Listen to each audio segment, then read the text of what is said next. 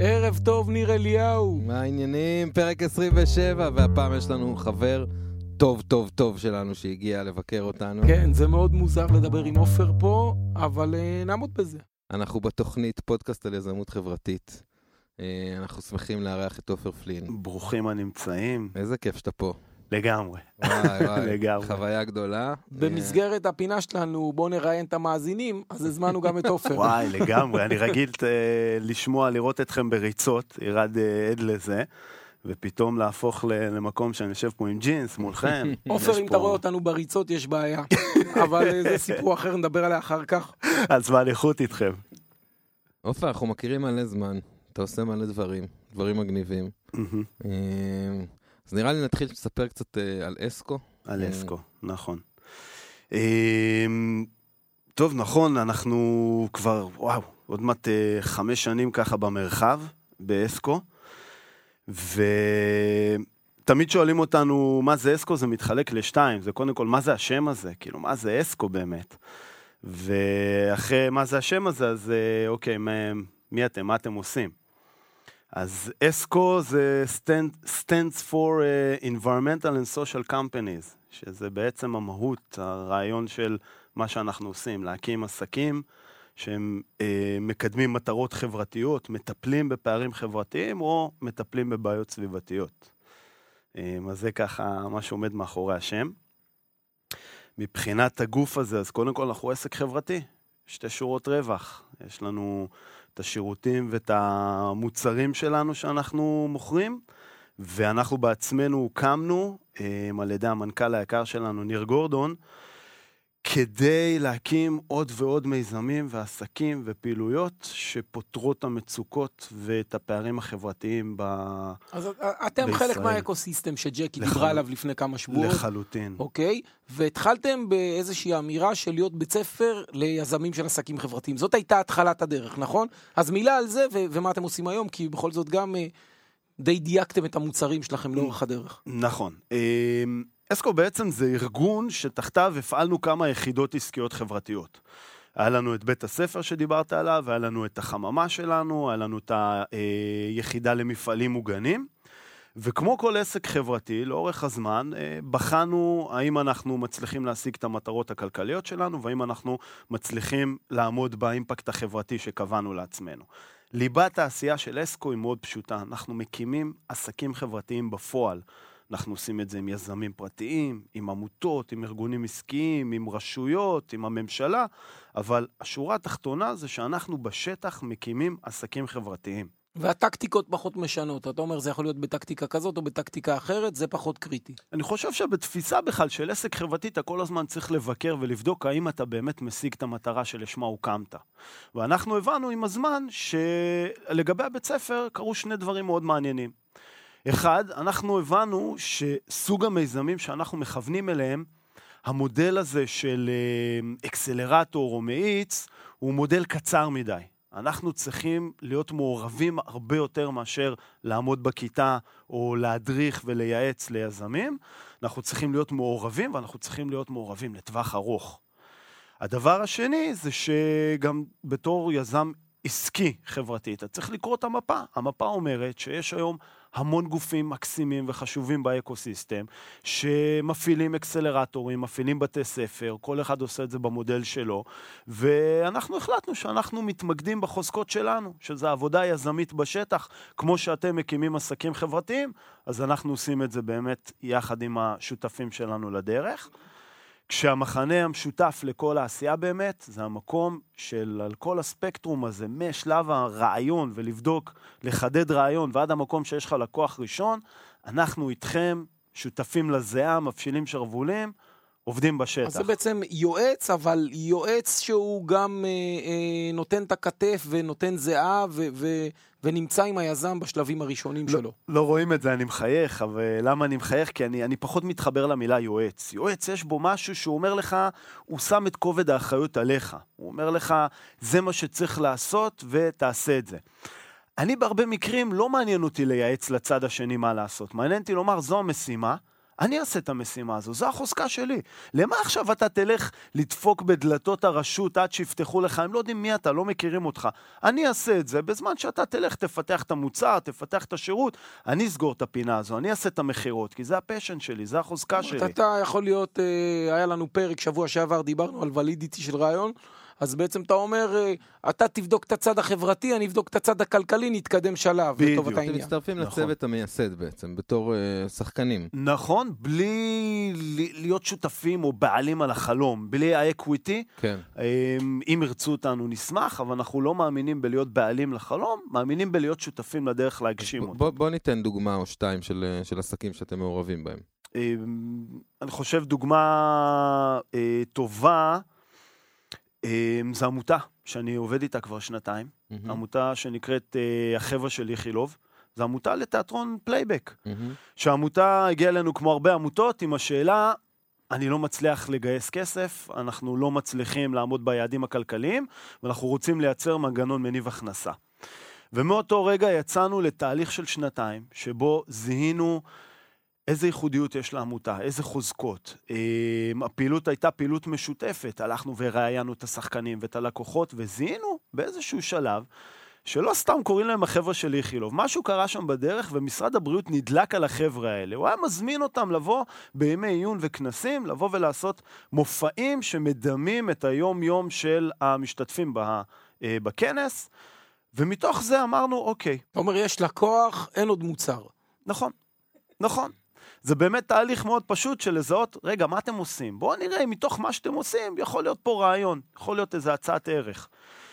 ואחרי תהליך של כמעט חודשיים של רוד שואו, של רעיונות, של עבודה, של לדבר עם הצוות, של לדבר עם המנכ"לית, שיגעתי את עינת, מסכנה, ופתאום זיהינו שיש פה הזדמנות, יש פה הזדמנות לפתח סדנאות שמותאמות לאנשי טיפול, אנשי רפואה ואנשי חינוך, כדי לעזור להם להתמודד עם סיטואציות מהיום-יום של מצבי קיצון, של חשיבה מחוץ לקופסה, דרך הכלים של פלייבק.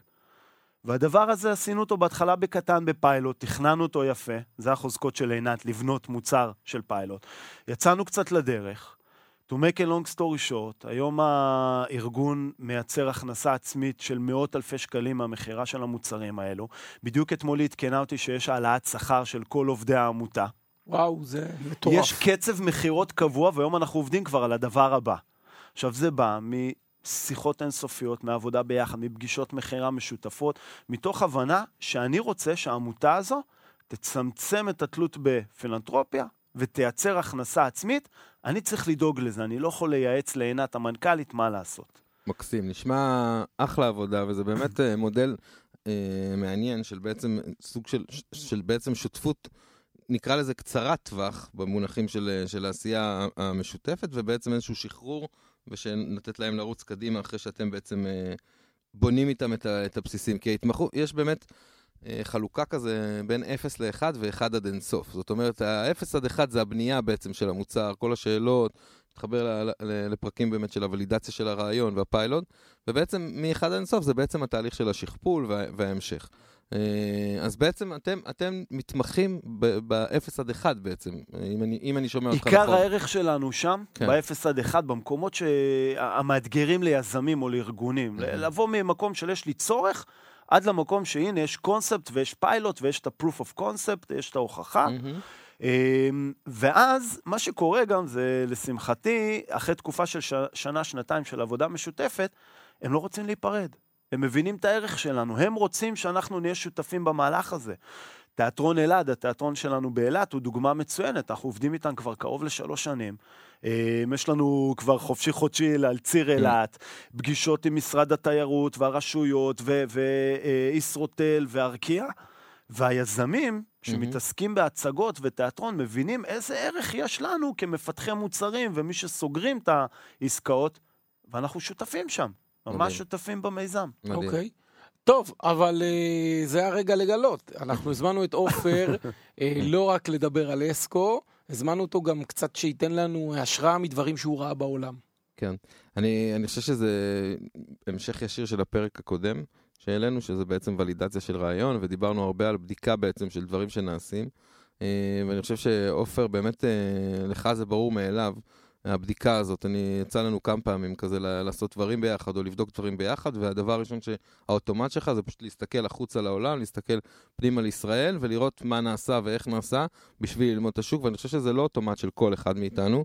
אה, אז אה, ככה, בשביל להדגים את זה, ביקשנו ממך שתבוא ותדבר בעצם על עסקים חברתיים בעולם.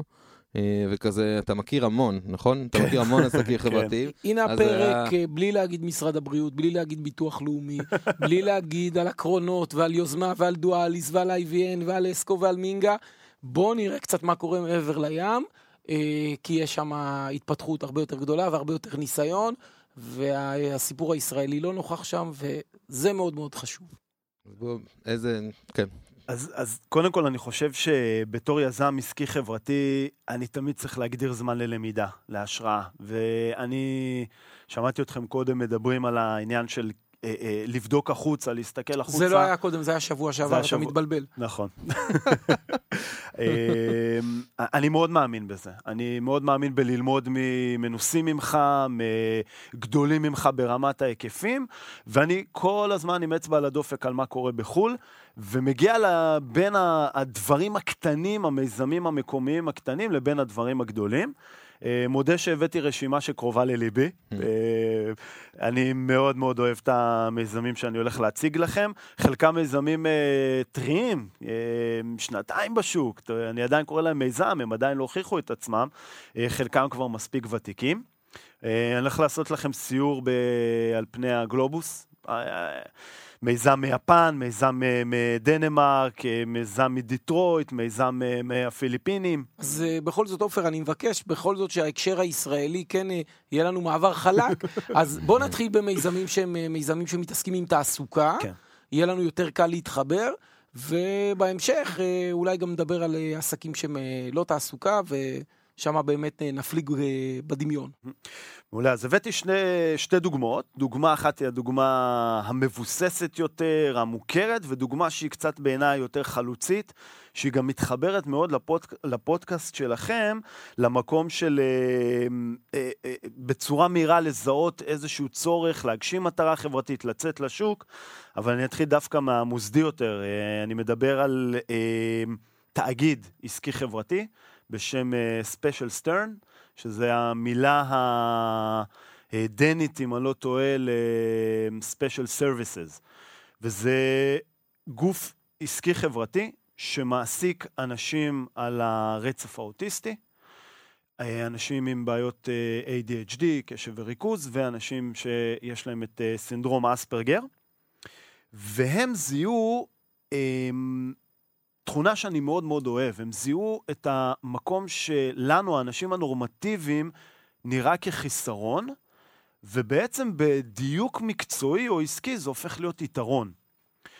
הקהלים האלה שציינתי, יש להם יתרון אדיר ביכולת של ריכוז, מוטוריקה עדינה וקשב.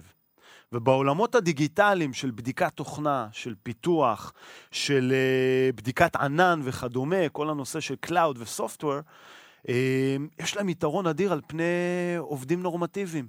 יכולת הריכוז, יכולת העשייה המתמשכת. מה, זה ממש מישהו שעכשיו רואה איזושהי טבלת אקסל אינסופית, והוא עובר עליה שורה-שורה? יש לו יכולת צילומית, לדוגמה, אני שמח שנתת את הדוגמה, הזו, היום בבוקר ממש קראתי על ראיון עם אחד הבעלים של העסק, שהוא מדבר על זה שיש להם יכולת לאנשים על הרצף האוטיסטי, יש להם יכולת צילומית, הם באמת יכולים להסתכל על דף נתונים או קוד, ובזמן מאוד מאוד קצר לזהות איפה יש טעויות, איפה יש אה, פרצות בקוד, בגלל היכולת הזו. אה, יש להם יכולת ריכוז אדירה, הם יכולים לשבת ולעשות את אותה פעולה סיזיפית בצורה רצופה, את התכנות העדין בצורה רצופה לאורך שעות, והעסק החברתי הזה בעצם מספק שירותים של בדיקת תוכנה, של פיתוח, שעבור המועסקים שלו זה חלק מתוכנית שיקום, העסקה, הטמעה אה, בקהילה אה, וקידום בקריירה. הם התחילו עם קבוצה קטנה. רגע, רגע, לפני, לפני שהם התחילו, את השירות הם נותנים אצלהם, החוצה, או שהאנשים שלהם משתלבים בתוך החברות?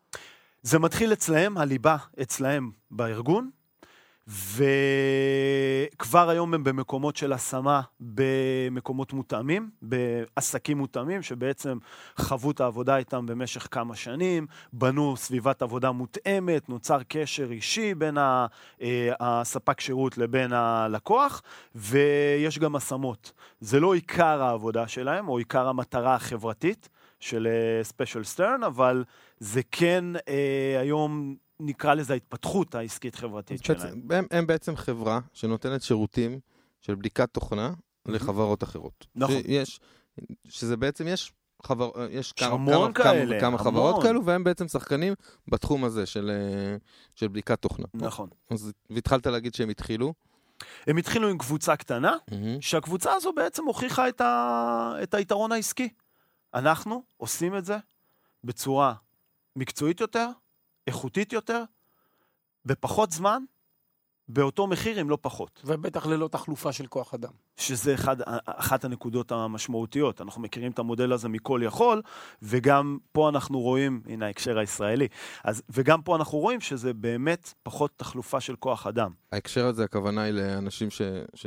תחלופת, בתעשייה שיש בה תחלופת אנשים גבוהה, גם כל יכול יושבים בדיוק על הנישה הזאת, שהם מצליחים להוכיח שתחלופת אה, האנשים היא יותר נמוכה אצלהם מאשר ב- ביחס לתעשייה, נכון? כן, זה עוד, זאת... עוד, עוד כל יכול כן. עוד יהיו פה, וכל יכול ו- החדשה, וזה, זה יהיה כן. מאוד מעניין. יהיה מעניין.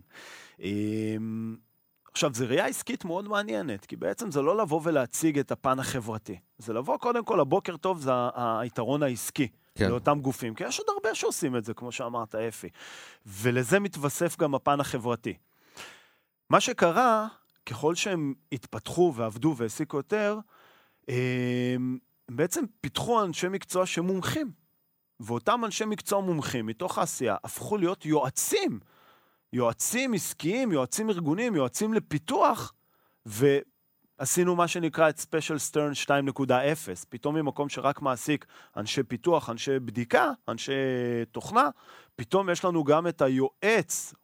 היועץ הוא עדיין אותה אוכלוסייה שאני רוצה לקדם, ופתאום פתחתי פה את הגיוון אבל התעסוקתי. מה שמרתק פה זה איך, איך היה המפגש בין האוכלוסייה ה-so called נורמטיבית לאותם uh, בעלי צרכים מיוחדים, ופתאום uh, המפגש היה שאותו uh, בעל, uh, אותו אדם עם מוגבלות, אמרו לי להגיד אדם עם מוגבלות ולא בעל מוגבלות, כן. אותו אדם עם מוגבלות uh, פתאום הופך להיות לאיש הידע ו- וזה שנותן uh, uh, עצות, שם המפגש שמאוד מאוד מעניין אותי איך הם התמודדו איתו. אני חושב שאחד הנקודות החשובות זה להבין קודם כל את הקהל, להבין את הדינמיקה. אם אני היום לקוח שרוצה את הייעוץ, כשאני עובד עם אדם שהוא נמצא על הרצף הא- האוטיסטי, אני צריך להבין את הדקויות. זה יכול להגיע למקום שאני יכול להגיע איתו לשיחה עסקית, אבל אני צריך לשים לב אם יש אה, גורמים שיכולים אה, להסיח את דעתו, או משהו שיכול לגרום לו להתכנס בתוך עצמו. אני מבין שאני צריך אה, להבין את האפיון של הקהל, להתאים את עצמי כדי ליהנות מהשירות המקצועי שלו. אני רואה את זה, אה, אני רק אשלים את המשפט, אני רואה את זה במקום מקסים, שיש הרבה גופים שמנסים להפר את ה... אה, להתמודד עם הסטיגמה, להראות שהשד לא נורא, ופה זה קורה באופן טבעי בגלל השירות המקצועי. אני מבין שאם אני רוצה את היועץ הזה, אז אני צריך שיחה בטווח זמן מסוים, כי זה יכולת הריכוז שלו. אני צריך שיחה במה שנקרא שטח אולי סטרילי, שהוא אין בו צבעוניות מסוימת, כי זה יסיח את דעתו. ככה אני מכיר את הקהל ואני יודע להתאים את עצמו. אותו תאגיד אבל לקח אחריות גם על הלקוחות, זאת אומרת, הוא מכשיר גם את הלקוחות לאיך הם יכולים ליהנות מאותו ייעוץ עסקי מצוין שהעובדים שלו יודעים לתת. קרן שלמה שעומדת מאחורי התאגיד הזה, והקרן הזו בעצם מממנת פעילויות, בדיוק כמו שאמרת, של פעילויות משותפות, של תמיכה במשפחות, של אה, הסבר לשוק העסקי. אה, הליבה נשארה הפעילות העסקית-חברתית של התאגיד, אבל יש הרבה גלים מסביב לזה. כדי להתמודד עם החיבור בין האוכלוסיות, נקרא לזה ככה. אז בוא, בוא נסתכל רגע, מה, מה הסדר גודל של העסק? כמה אנשים הוא מעסיק? אתה- Um, היום הם מעסיקים 230 uh, עובדים בתחום התוכנה, יש להם uh, 29 יועצים, ויש כבר כמה עשרות השמות. Uh, אפשר לבדוק את זה הם באתר? שלהם. אמ, ב- אני חושב בערך שמונה שנים זה... אני חושב שהם עכשיו נכון? בשנה התשיעית או השנה העשירית שלהם, משהו כזה. ו- כן. ואם אני זוכר נכון, גם יש סיפור אישי מאחורי החברה הזאת. הבן. המקים- הוא בעצם, נכון, יש לו בן שעל הרצף. נכון, נכון. והוא, ממש באתר שלהם שווה להיכנס לקרוא את הסיפור הזה, הוא בעצם זיהה בבית את הילד שלו, יושב על המחשב, מתקן מחשבים ומרוכז בזה, ומראה מסוגלות ויכולות שבפעילויות אחרות לא היו לו. והוא בעצם אמר, רגע, למה אה, אני צריך... אה, אני עושה עכשיו מירכאות עם האצבעות, להתפשר על התעסוקה שקיימת היום בשוק. אולי אני יכול לבנות משהו שמתאים לחוזקות, ועדיין יהיה לזה ביקוש בשוק, וזה באמת מה שקרה. ועוד היבט, היבט מעניין של החברה הזאת, זה בעצם שהיא היא, אה, בינלאומית. זאת אומרת, נכון, היא התחילה בדנמרק, נכון? וואי, הם והיא... עובדים היום all over the place, אוסטרליה, ברזיל, צרפת, אה, ארצות הברית, הם מספקים שירותים, כי זה גם שירות שהוא אה, אונליין, שירות כן. דיגיטלי, אתה לא צריך באמת המרחב הפיזי, והם היום פועלים לדעתי בלמעלה מעשר... אבל אה, גם, גם. עובדים, לקוחות, אז אין בעיה, אבל השאלה, עובדים, יש להם גם עובדים יש גם? מוקדים באוסטרליה, אני יודע שיש מוקד, בברזיל יש מוקד ששכפלו, נכון. בגרמניה מוקד שמשגשג. ממש עשו scale, שכפול של ה... טוב, אני, מדהים, אנחנו הזמנו את. עופר שיעשה לנו טיול בעולם ואני מחזיר אותנו לישראל, אז אנחנו רק נגיד שיש בישראל משהו דומה, קוראים להם AQA, הם עובדים בשיטה קצת אחרת, המוקד שלהם הוא השמות, הם יודעים להכשיר, יש להם הצלחות מאוד מאוד יפות, הם קיימים הרבה זמן. אה, זה לא באותם סדרי גודל, נכון. אבל אולי יום אחד גם נזמין את AQA ונצלול פנימה לעניין הזה. וגם אני חושב שיש פה, יש פה הזדמנות מאוד גדולה. אה, זה, זה מראה לנו איזו הזדמנות ענקית יש, אתה יודע, בש, בשוק הזה, גם בישראל, למיזמים כאלו, שבעצם ההזדמנות פה היא פעם אחת ההזדמנות הספציפית, ופעם שנייה בעיניי זה ההזדמנות של ההבנה של, של יכולות מסוימות, של אוכלוסיות מסוימות, ו, ומציאה של שוק, של שוק שבעצם מחפש את, ה, את מה ש... הקלישאה הזאת של בוא נחפש את החיסרון ונהפוך אותו דווקא ליתרון, לפעמים היא עובדת. זאת אומרת, זה מקרה שפה היא באמת עובדת, לא תמיד uh, מצליחים לעשות את החיבור הכל כך קלאסי נכון, הזה נכון. בין uh, חיסרון ליתרון. צריך להיות מאוד מדויקים, מאוד מקצועיים, אני מסכים. אה, טוב, אם- קר לי קצת מדנמרק, בוא נמשיך, לאן אנחנו? בוא נעבור, האמת שמקום לא פחות אה, קר, דיטרויט. דיטרויט אוקיי. הפושטת רגל הענייה והקרה. דיטרויט עברה לפני שנתיים משבר כלכלי אדיר, שבה חברת ג'נרל מוטורס, אה, שבעצם החזיקה את העיר דיטרויט, פשטה רגל, וזה הוביל לקריסה כלכלית של כל העיר.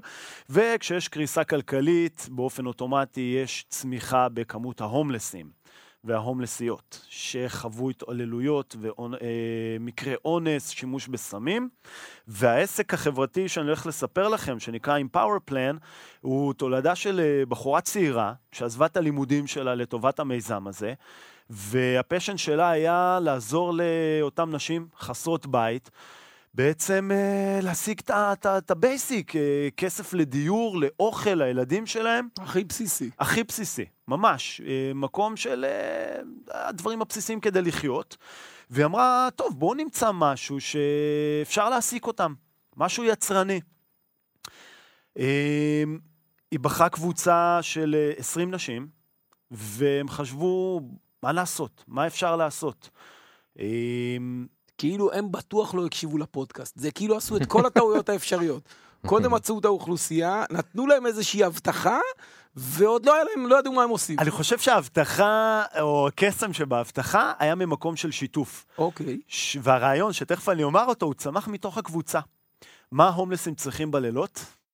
שלטר. שמיכות. שמיכות, מקום חם לישון בו, השלטרים מפוצצים, קריסה של המערכות הרווחה בדיטרויט, ובעצם הם אמרו, "אה, אנחנו צריכים אה, משהו לישון בו חם. והמוצר שהם המציאו עבד both ways, הוא עבד גם ליום וגם ללילה. הם המציאו מעיל סופר מחמם, סופר איכותי, שבלילה הופך לשק שינה. וואו. והלקוח הראשון לדבר הזה, יפי עושה פרצוף. אני בשוק, נו, אוקיי. הדבר הראשון. הלקוח הראשון של המיזם, הפיילוט, ה-go to market, היה העיר דיטרויט, הרשות עצמה, שאמרה, תשמעו, אתם פותרים לי עכשיו בעיות של אה, לינה חמה, אז בואו נזמין כמה יחידות. וההצלחה הייתה מדהימה. הם אשכרה, סליחה על המילה הזקנה הזאת, אבל הם אשכרה הלכו למחלקת הרווחה בדטרויט ודפקו להם על הדלת ואמרו, אנחנו רוצים למכור לכם מעיל שהופך להיות שק שינה? כן. הם פיתחו את זה. אוקיי. אה, הדבר היחיד שאני לא בטוח לגבי, בסיפור הזה, זה האם יש מחלקת רווחה בעיר- לא, ב- לא משנה, בארצות הברית של אוקיי, אמריקה, אבל... כן, אה, אתה יודע, כן, המקבילה. ל... המקבילה. המקבילה ל... אה, יותר מזה, הם אה, גייסו 40 אלף דולר לפיתוח הפס ייצור הראשון, כי האמינו בהם. ראו פרק פילנטרופיה בעסקים חברתיים. הם התחילו מהצד. הפילנטרופי, הם אוקיי? באו בלי הון חוזר, הם באו עם vision, הם באו עם case טוב, הם עשו באמת prototype. שהוכיח שוואלה, יש פה משהו טוב, והצליחו לגייס את ה-40 אלף האלה שעזרו הם להם גייסו? לייצר. אתה יודע איך- הם גייסו? במימון המונים? או לא, לא? ב- בהשקעה של, ה... של הרשות, הבנתי. מתוך תקציב וואו. צבוע, אה, אוקיי. שהרשות אמרה, אנחנו צריכים פתרון לנחמה, ווואלה. אה, מחלקת מחקר ופיתוח של מחלקת הרווחה בדטרויט הקצתה 40 אלף דולר לדבר הזה, אוקיי. מדהים. ומה שקרה זה שהדבר הזה היה כל כך טוב, שהם ישבו ואמרו, אוקיי, לא, אנחנו- רגע, רגע, אבל עצור, עצור, עצור. כן. יש כסף, יש רעיון. והם, את הפיתוח אני מניח שלא ההומלסים עשו, אני מניח שהם לקחו אותו לכל מיני מעצבי מוצר או סטודנטים, או שאני טועה. לא, לא, עשו את זה עם אה, אנשי סטודנטים, עם. שיתוף פעולה עם אנשי מקצוע, האם הייצור עצמו על ידי אנשים. ממש תפרו, והם ממש. עשו, כאילו בניגוד להיגיון הכלכלי של צ'יינה וכל זה, וייצור המונים, הם גם ייצרו, ותהליכים נוספים שבטח תספר עליהם. אז, אז אתה מוביל בעצם להתפתחות העסקית של המיזם, אבל כן, הרעיון היה לא לייצר אה, שקי שינה ומעילים, הרעיון היה איך להעסיק את האנשים, שיהיה להם פרנסה, שהם יוכלו אחר כך אה, לרכוש לעצמם אה, אה, את הדברים הבסיסיים, אה, בתים, אה, אה, אוכל, אוקיי. ואחרי שבאמת ראו שהמוצר עובד, חשבו, אוקיי, איך מפתחים עוד שווקים? כי נכון שזה מיועד להומלסים, אבל אנחנו לא רוצים שההומלסים יקנו מאיתנו, זו לא המטרה. וגם אם אנחנו מוכרים את זה לעוד נזקקים, או גופים שמטפלים בנזקקים, אז אנחנו לא רוצים שזה יהיה הקהל היחיד שלנו. ומה שהם עשו, הם חשבו, רגע, מי עוד צריך כזה ציוד? מי נמצא במקומות אקסטרימיים קרים וצריך לישון בלילה בקור? אל תגיד לי צבא ארצות הברית. לא, ממש לא. האמת שזו האסוציאציה שלי גם הייתה. באמת? אנחנו ישראלים, תהיו יותר נורא. אורבניים, תהיו יותר, אני אתן לכם רמז, תשאפו לפסגות. המטפסי הרים? טיילים, אבל זה מטפסי הרים. פשוט צבא זה שוק הרבה יותר גדול מאשר מטפסי הרים, שיש לו כן. יותר כסף. אז אחד, גם הצבא הוא לקוח שלהם, מהמם. אבל הפריצה שלהם הייתה בעצם שהם פנו לשוק של אה, מטיילים, לשוק של אה, מדריכי טיול מקצועיים, וצריך להבין שההיקף הכלכלי שהם היו צריכות אה, אה, לגייס, או לא לגייס, אלא לייצר, המחזור, בתור התחלה הוא לא היה כזה גדול. מספיק שקבוצה אחת של מטיילים על 20 האברסט פה, תקנה 30 מהם, פה, בדיוק. 20 פה, מספרים קטנים. אוקיי. מספרים קטנים, וזה מה שקרה, הם באמת מכרו, והדבר הזה נהיה טרנדי, נהיה להם ביקוש. אנחנו, מדבר, אנחנו מדברים על מיזם שהוא בשנה השנייה שלו, סך הכל. מדהים. איפה הן תופרות, איפה הן מאחסנות את חומרי יש להם. מפעל בדיטרויט, שבגלל המשבר הכלכלי בדיטרויט, נדל"ן, העלויות אין ברצפה, בעיה, אין אין בעיה. בעיה. אמ, כל השכירויות אה, וכדומה, עכשיו גם בארצות הברית יש כמובן גם את החוקים המקומיים, לא הפדרליים, שמעודדים אה, מודלים עסקיים חברתיים. יש לנו את החוק של ה-L3C, שמאפשר לקרנות השקעה להקצות אחוז מה... אה, מהכסף שלהם להשקיע במיזמים כאלה, וברגע שהם הוכיחו היתכנות, אה, היה להם הרבה יותר קל לגייס את המאמינים ואת המשקיעים מאחוריהם. עצור, זאת אומרת, מה שאתה אומר, האקוסיסטם מאוד מאוד מפותח, ואז רעיונות כאלה יכולים להיקלט די מהר יחסית, הן לא צריכות להמציא את עצמם. זאת אומרת, נכון. מה שאנחנו חווים בישראל, היי, אני צריך מימון, אה, בוא נקים קרן יוזמה, אה, בוא נמצא יועץ, שם זה כבר השוק מספיק מפותח. אני חושב שמה שעכשיו מבעבע בישראל הוא כבר נורמה ב- ב- אוקיי, בארצות הברית. אוקיי. אה, ובאמת, אה, יש את הדרכים היותר אה, אה, ברורות ופשוטות, יש יותר היצע מבחינת הכסף, מבחינת הגופים הפיננסיים, חקיקה שמעודדת, אז, אז זה יותר קל, אין ספק ממה שקורה בארץ, אבל עדיין, אם לא הייתה לך את ה... את ההיתכנות, אם אין לך את באמת, על העיניים היפות של העובדות, הם לא היו מגייסים. בסוף זה המוצר זה והערך ללקוח. כן, אבל אני, בדיוק. אה, שתי שאלות, אחת ברמת הסקרנות, אני יכול היום אה, להיכנס לאתר, להזמין וזה יגיע לי לישראל? שאלה טובה. מעניין, יש פה אוקיי. אינטרנט, אולי, אה, אולי נעשה את זה נבדוק את זה אונליין. אחרי זה. נבדוק. והשאלה השנייה, אה, אין סכנה שזה יצליח מדי ומישהו בסין אה, יעשה העתק הדבק ויוריד את המחיר ב-50%? כמו כל מוצר, יש, יש סכנה. ואני חושב שפה נכנס היופי של תחום ה-cause marketing, של הרכישה עם uh, ערך מוסף, שאני מאוד מאמין בזה, ולשמחתי כל שנה uh, שירלי קנטור היקרה מעדכנת אותי בעוד מחקר של נילסן, שמראה שיש עוד גידול של בין 3 ל-5 אחוזים שאומרים, אני אקנה את המוצר הזה. כי הוא נותן לי ערך, כי הוא מוצר טוב, אבל כי הוא מגלם בתוכו גם מטרה שחשובה לי, ואני דווקא אקנה אותו ולא מסין. אמ, אני חושב גם שהסיפור שלהם והמקום שהם הגיעו אליו, הוא מעודד את הצריכה דווקא מהם. זאת אומרת, אם המוצר הזה היה יקר בטירוף ולא עונה על הצורך שלי במדויק, רוב הסיכויים שהייתי קונה אותו פעם אחת רק כדי להיות חלק מה, מההייפ, ולא הייתי חוזר וקונה או ממליץ עליו. היום אנחנו בעצם יודעים שמעבר לתנאים הבסיסיים של אותן מועסקות, כבר יש להם ביטוחי בריאות, ויש להם תקציבים ללימודים אקדמיים מתוך המחזור של המיזם, שזה מדהים, זה מוכיח לי למה להמשיך לקנות מהם. כי השקל שלי או הדולר שלי עובד פה פעמיים, הוא מספק לי את המוצר שאני צריך, אבל הוא גם משנה לחלוטין את החיים שלהם, ואני יכול לראות את זה באתר, אני יכול להבין שזה מה שקורה. כמה נשים מועסקות בעסק הזה? הם, היום לדעתי הם בקפיצה להכפלה, לכיוון ה-40. מדהים. וואו, וכל... זה המון, זה ממש המון. כן. בשביל מיזם ייצור. אה, יש פה לוגיסטיקות מאוד מאוד מורכבות, זה מאוד מאוד מעניין. אה, זה מאוד... אה, כמה זמן הוא קיים? אופטימי. עכשיו הם בשנה השנייה, הם יצאו לדרך בסוף 2014. ממש ככה. מדהים. מדהים, מהר מאוד.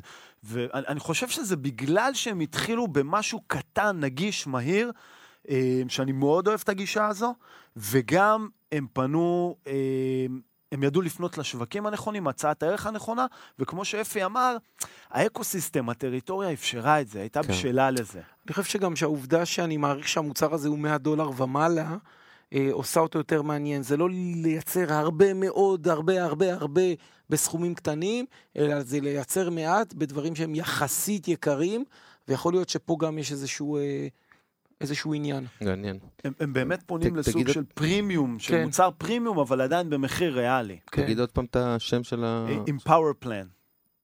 מגניב, אני חושב שקורה פה משהו מעניין, שזו פעם ראשונה שאנחנו עושים אותו, שאנחנו נעצור פרק באמצע, אה, הפסקה מתודית, ואנחנו נגיד תודה לעופר, ואנחנו נמשיך בשבוע הבא, ובעצם כן, אנחנו אופר, נמשיך ממש תכף. כן, עופר, אנחנו נסביר לך איך לצאת מהקיבוץ, ואנחנו נזמין אותך שבוע הבא. ו- ו- ותבוא בזמן, בסדר? הפעם אני אגיע בזמן. אני חושב שהדוגמאות האלו הן סופר מעניינות והן באמת מעוררות השראה, וכזה נראה לי שבפרק הבא אנחנו נצלול לדוגמאות מהעולם שהן אה, לא בעולם של תעסוקה, אה, ונראה איזה עוד דברים נעשים בעולם. מעולה. תודה רבה ותודה למרסיאל בוחסרה שיושב פה וימשיך לשבת פה עוד פרק. תודה. תודה.